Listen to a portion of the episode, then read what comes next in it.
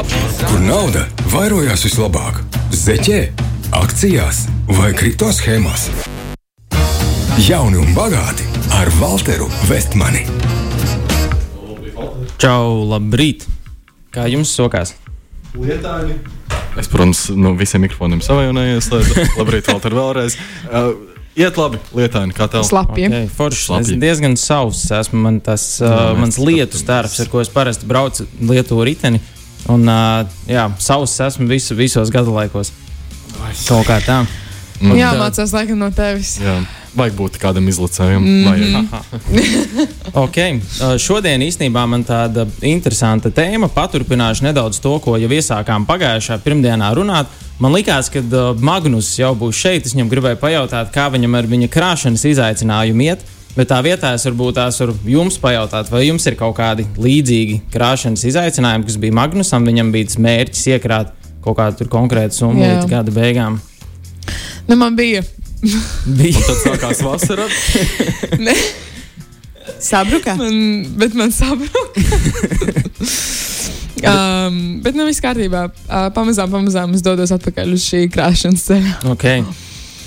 Man laikam ir uh, vēlme kaut kādu konkrētu daļu no saviem ienākumiem, ko es uh, novirzu krāšanai, mm Mhm. -hmm. uh, kas nav tā kā magnusam, tāds izaicinājums kaut ko pieaugušu. Bet man jāatzīst, ka ņemot vērā, ka man uh, šogad ir um, dzīvokļa remonta tāds izaicinājums, tad tur Ok, tie to- izdevumi bišķiņ tādi. Tas ir pazīstams izaicinājums mm -hmm. un tāds, ko grūti izrēķināt laicīgi. Jep, iepriekš. it īpaši šobrīd, kad inflācija aug Mm. ātrāk, kā gribētos. Mm. A, kā būtu, ja es jums teiktu, ka teiksim, no visa, ko jūs iekrāsiet, piemēram, tur paņemam šogad līdz gada beigām, jūs varat krāt no visa, ko jūs iekrāsiet, nu es 20% piemetīšu klāt. Būtu motivējoši krāt vairāk.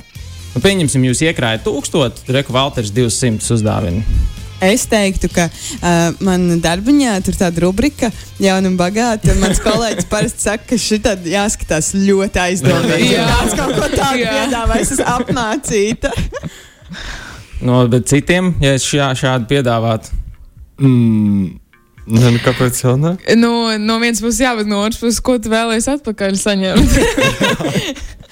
Ok, jo okay, īstenībā forši, ka uzreiz jūs tā padomājat ar uh, nelielu skepsi, bet šajā, šajā situācijā es nerunāšu par nekādām krāpniecīgām ponzijas schēmām, bet uh, īstenībā šāda krāšanas motivācijas schēma pastāv un kur motivē krāt valsts. Un tā, sauc, tā schēma sauc par uh, trešo pensiju līmeni un uzkrājušo dzīvības apdrošināšanu. Un tiem es jau esmu kaut kad iepriekš raidījumos pieskāries.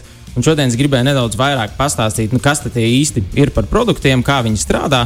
Un kādēļ, manuprāt, viņi ir nu, viens no labākajiem rīkiem, nu, ar ko reāli sākt, ar ko var jau sākt uh, šodien kaut ko krāt. Un tad arī nedaudz pastāstīšu, nu, kādi viņiem ir plusi, kādi mīnusi un kāda ir atšķirība. Varbūt tās vai nu, mēs ieguldam paši, vai arī izvēlamies kādu no šiem. Skan labi. Jā, Okay. Un tad, principā, pirms es ķeros klāt pie tā trešā pensiju līmeņa, es gribēju ātri vēlreiz ieskicēt, kā vispār lielo bildi, kā pensiju sistēma strādā tiem, kas uh, nezina. Nu, ir tā, ka mums Latvijā ir trīs pensiju līmeņi. Pirmais strādā pēc tāda solidaritātes principa, kur mēs maksājam nodokļus. un Mūsu nodokļi aiziet pat no šodienas pensionāriem. Tur aiziet 14% no algas apmēram. Uh, otrais pensiju līmenis jau ir tāds, ka tev ir attaisīts speciāli paredzēts konts, naudu krāja tikai speciāli tev, un viņi stāv pie tādiem līdzekļu pārvaldītājiem. Un tos jau mēs varam izvēlēties, varam skatīties, tur patīk vairāk šī, vai, vai arī varbūt kāda cita uh, firma. Tur jau mēs varam paši kaut ko nedaudz darīt lietas labā, un tur aiziet 6% no algas. Un šie divi ir nu, tādi. Gribi vai negribi, ja tu dzīvo, strādā, pelni algu, maksā nodokļus, tad viņi tev krājas automātiski. Un, uh, lai arī viņi krājas automātiski, nu, tā prognoze, ko no šī pirmā un otrā līmeņa var dzīves beigās sagaidīt, nu, viņa nav šausmīgi skaista. Mēs iepriekš esam runājuši, ka ir visādi oficiālie kalkulatori, nu, kas tā rupji rēķinot, saka, nu, ka mēs varētu dabūt labākajā gadījumā uh, 50% no pēdējās darba algas, uh, tā varētu būt mūsu pensija.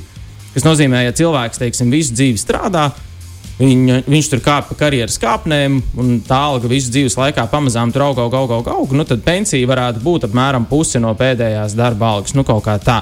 Tas, kā es priekš sevis to iztulkoju, ir tā, ka nu, man pensija nodrošinās labākajā gadījumā pusi no tā, ko es tā gribētu. Es pat skatos nedaudz skeptiskāk, nu, es ierēķinu, nu, varbūt 30 vai 40% no tā, ko es gribētu.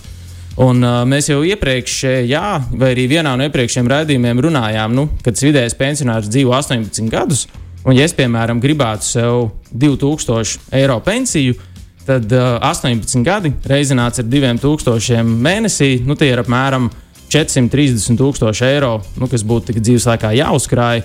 Un, ja pensija var nodrošināt labākajā gadījumā pusi, nu, tad tie 200 kaut kas vai 300 kaut kas, nu, kaut kur jādabū pašam. Un tas nav tikai mums šeit vienīgajiem Latvijā tāda sistēma, nu, kaut kā līdzīga tā sistēma strādā visur pasaulē. Nu, ka pensija tas nav tāds rīks ērtai dzīvē, bet drīzāk nu, pabalsts, lai tiem, kas nav krājuši vai domājuši nu, par vecumdienām paši, lai viņiem ir kaut kāds tas drošības pilvens. Nu, lūk, tas ir tas mazais ievads, kā tā pensiju sistēma strādā. Un tāpēc ir tādi rīki, kā trešais pensiju līmenis un uzkrājušā dzīvības apdrošināšana, kur valsts kā, motivē cilvēkus krāt, un viņi atmaksā atpakaļ iedzīvotāju ienākumu nodokli, lai tev tā krāšana būtu nedaudz izdevīgāka. Rietumos to darīt ir ļoti populāri, pie mums vēl nu, tā pamazām nav. Varbūt tik tālu kāds jautājums ir. Es tā ļoti monologu garu norunāju, visi man skatās. Tas bija kā mācības jā, kādam ir viss ļoti labi. Nē, nē. Viss ļoti labi. ok, forši. Nu, Es vienkārši pārliecinos, nu, kā varbūt kaut kas neskaidrs pateikts. Skatāmies vienkārši tev. Jā, jā. Jā, klausamies, jā, jā saprotam. Nu, jā. Viss ir. Viss ir. Un tad, ķeroties pie tā trešā pensiju līmeņa, nu, ja tas pirmais un otrais bija obligāts, tad trešais jau ir brīvprātīgs.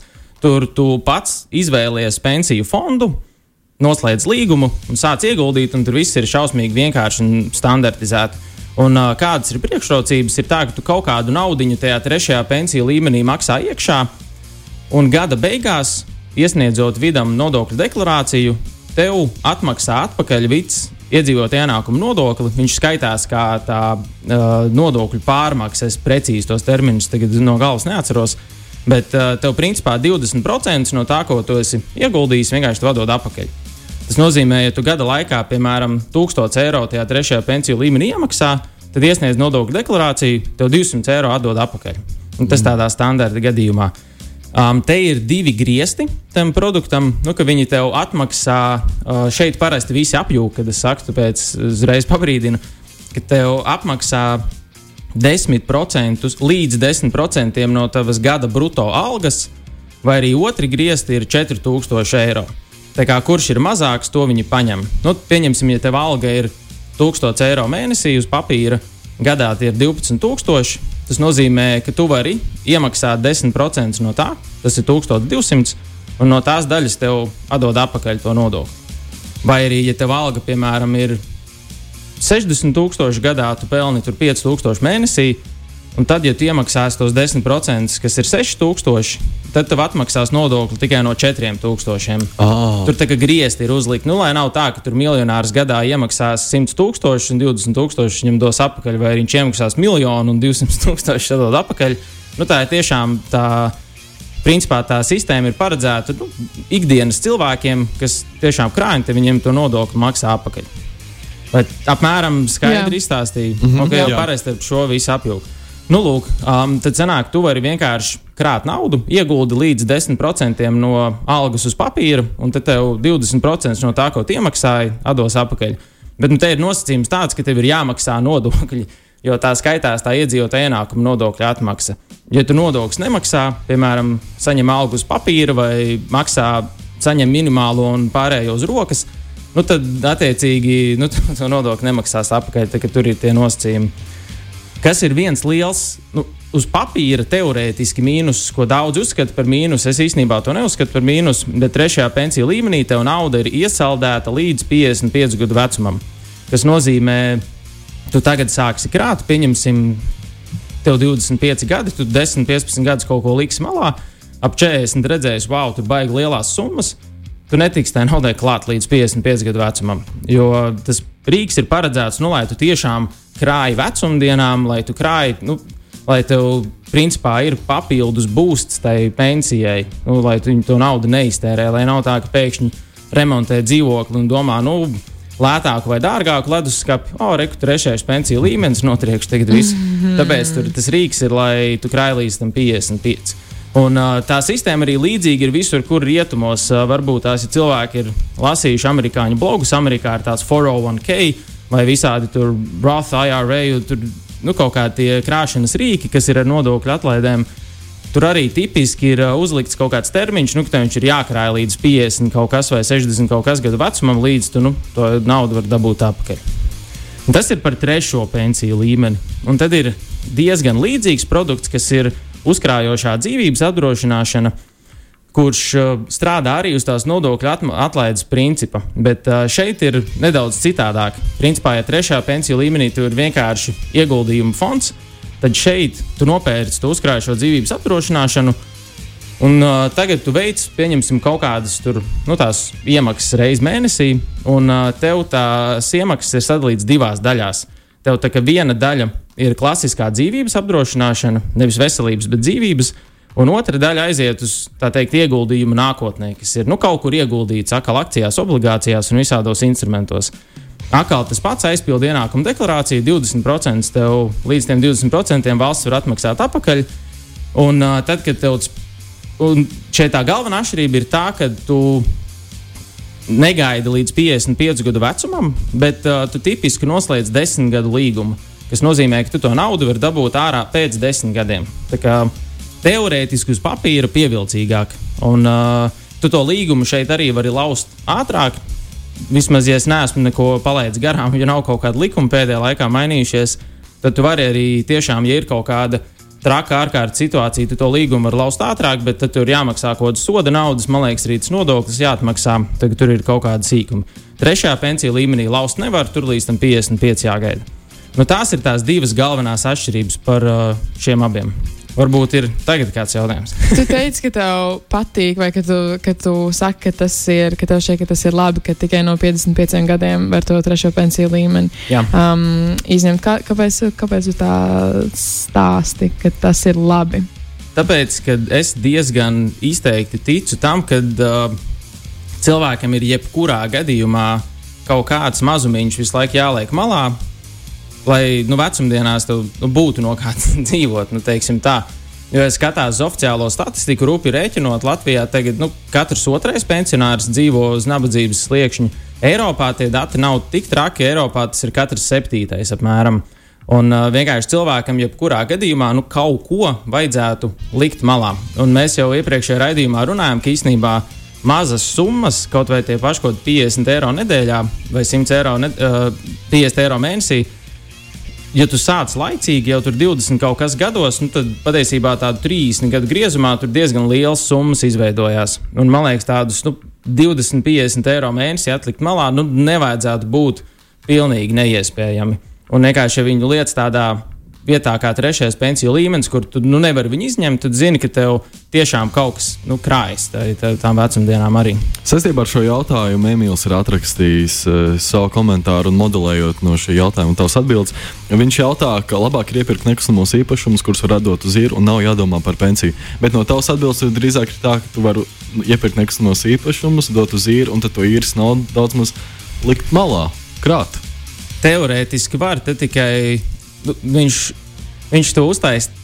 Viņš liek tam skanēt, viņš šausmīgi vienkārši. Nu, jo, lai nopirktu nekustamo īpašumu, tev vajag kaut kāds pārdesmit tūkstošus eiro, lai nu, samaksātu pirmās iemaksas. Nu, tur diezgan milzīgas pirmās investīcijas ir tādā ziņā. Bet, ja tev kabatā ir, nu, teiksim, lieki 50 eiro mēnesī, nu, tad tu par nekustamo īpašumu baigi nevar domāt tajā situācijā. Nu, lūk, un es domāju, mēs pēc uh, dziesmas varam iziet cauri tādiem lielākiem plusiem un mīnusiem. Sarunāts! Jauni un bagāti ar Walteru Vestu. Kur nauda vairojās vislabāk? Zeķē, akcijās vai kripto schēmās? Jauni un bagāti ar Walteru Vestmani. Mēs esam atpakaļ un šodien par trešo pensiju līmeni. Jā, un uzkrājušo dzīvības apdrošināšanu.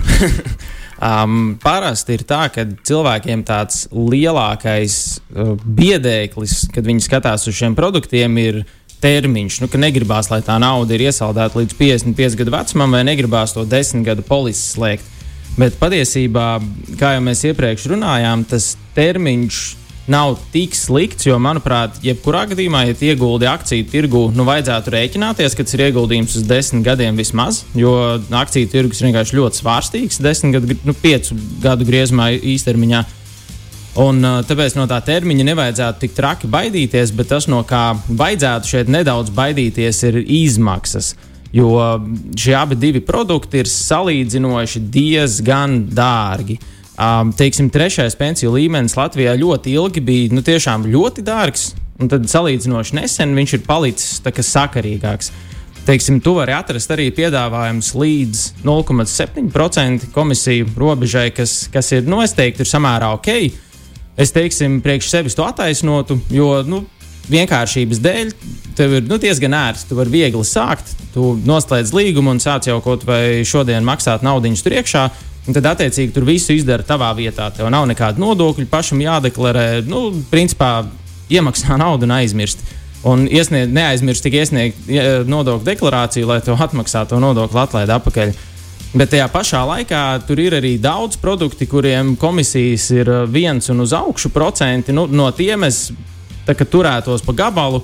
Jo tādā ilgākā termiņā tur nu, diezgan dārgi jau tas var sākt palikt. Kad viens procents un uz augšu, tas ir tiešām dārgs uh, produkts. Tāpēc, ja jūs sākat apsvērt trešo pensiju līmeni, tiešām tur jāapskatās ir cenrādis. Un es drīzāk skatītos nu, visu, kas nav tuvu vienam procentam, bet ir uh, tuvāk nu, uz otru pusi. Um, akāli, ja salīdzinu ar uzkrājušo dzīvības apdrošināšanu, ja mēs teicām, ka šis ir pievilcīgāks, tāpēc, ka tev tā nauda nav līdz 55 gadu iesaldēta, bet ir nu, 10 gadu tas līgums, nu šis produkts ir ļoti dārgs. Teiksim, es skatījos cauri uh, dažādus piedāvājumus, un tur tur atrast produkts, kas tev pat virs 4% gadā mm. komisiju prasa. Un, uh, tā salīdzinājumā, nu, teiksim, ja ilgtermiņā akciju tirgus pelna nu, kaut kādus 7-8% gadā, Un, ja tu četrus no tiem samaksā komisijās, nu reāli atdod pusi no savas peļņas kādam. Un tur tiešām nu, reāli traki milzīgas summas var sanākt nomaksāt komisijās. Nav visi tik dārgi, ir arī tur viens komats kaut kas procenti, bet nu, tur ir baigi, baigi pašam jāskatās līdzi un pašam jāprēķina, nu, tiešām, cik izdevīgi tev tas sanāk.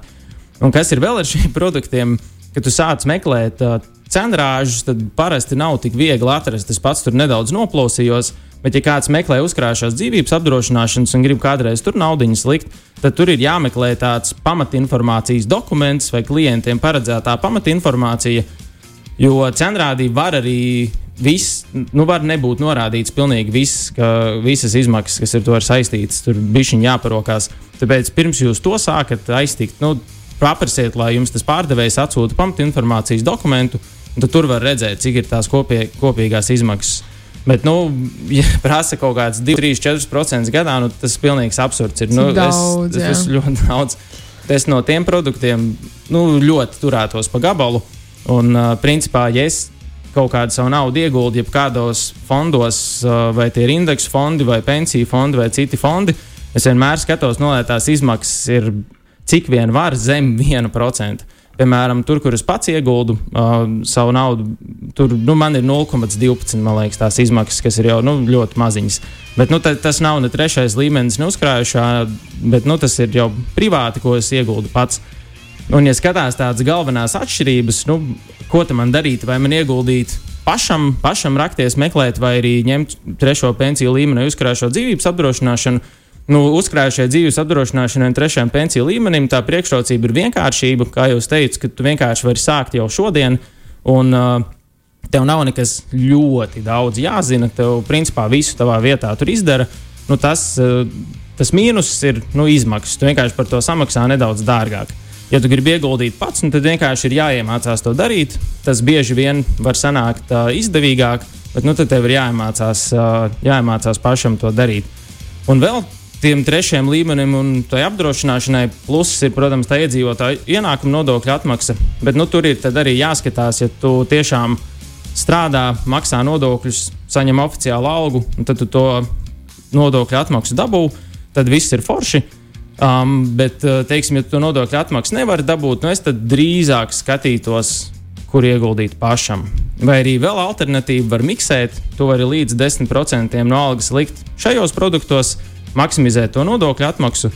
Un tad visu, kas ir virs tiem 10%, nu, tad tu vari meklēt, kur ieguldīt pats kaut kādās vietās.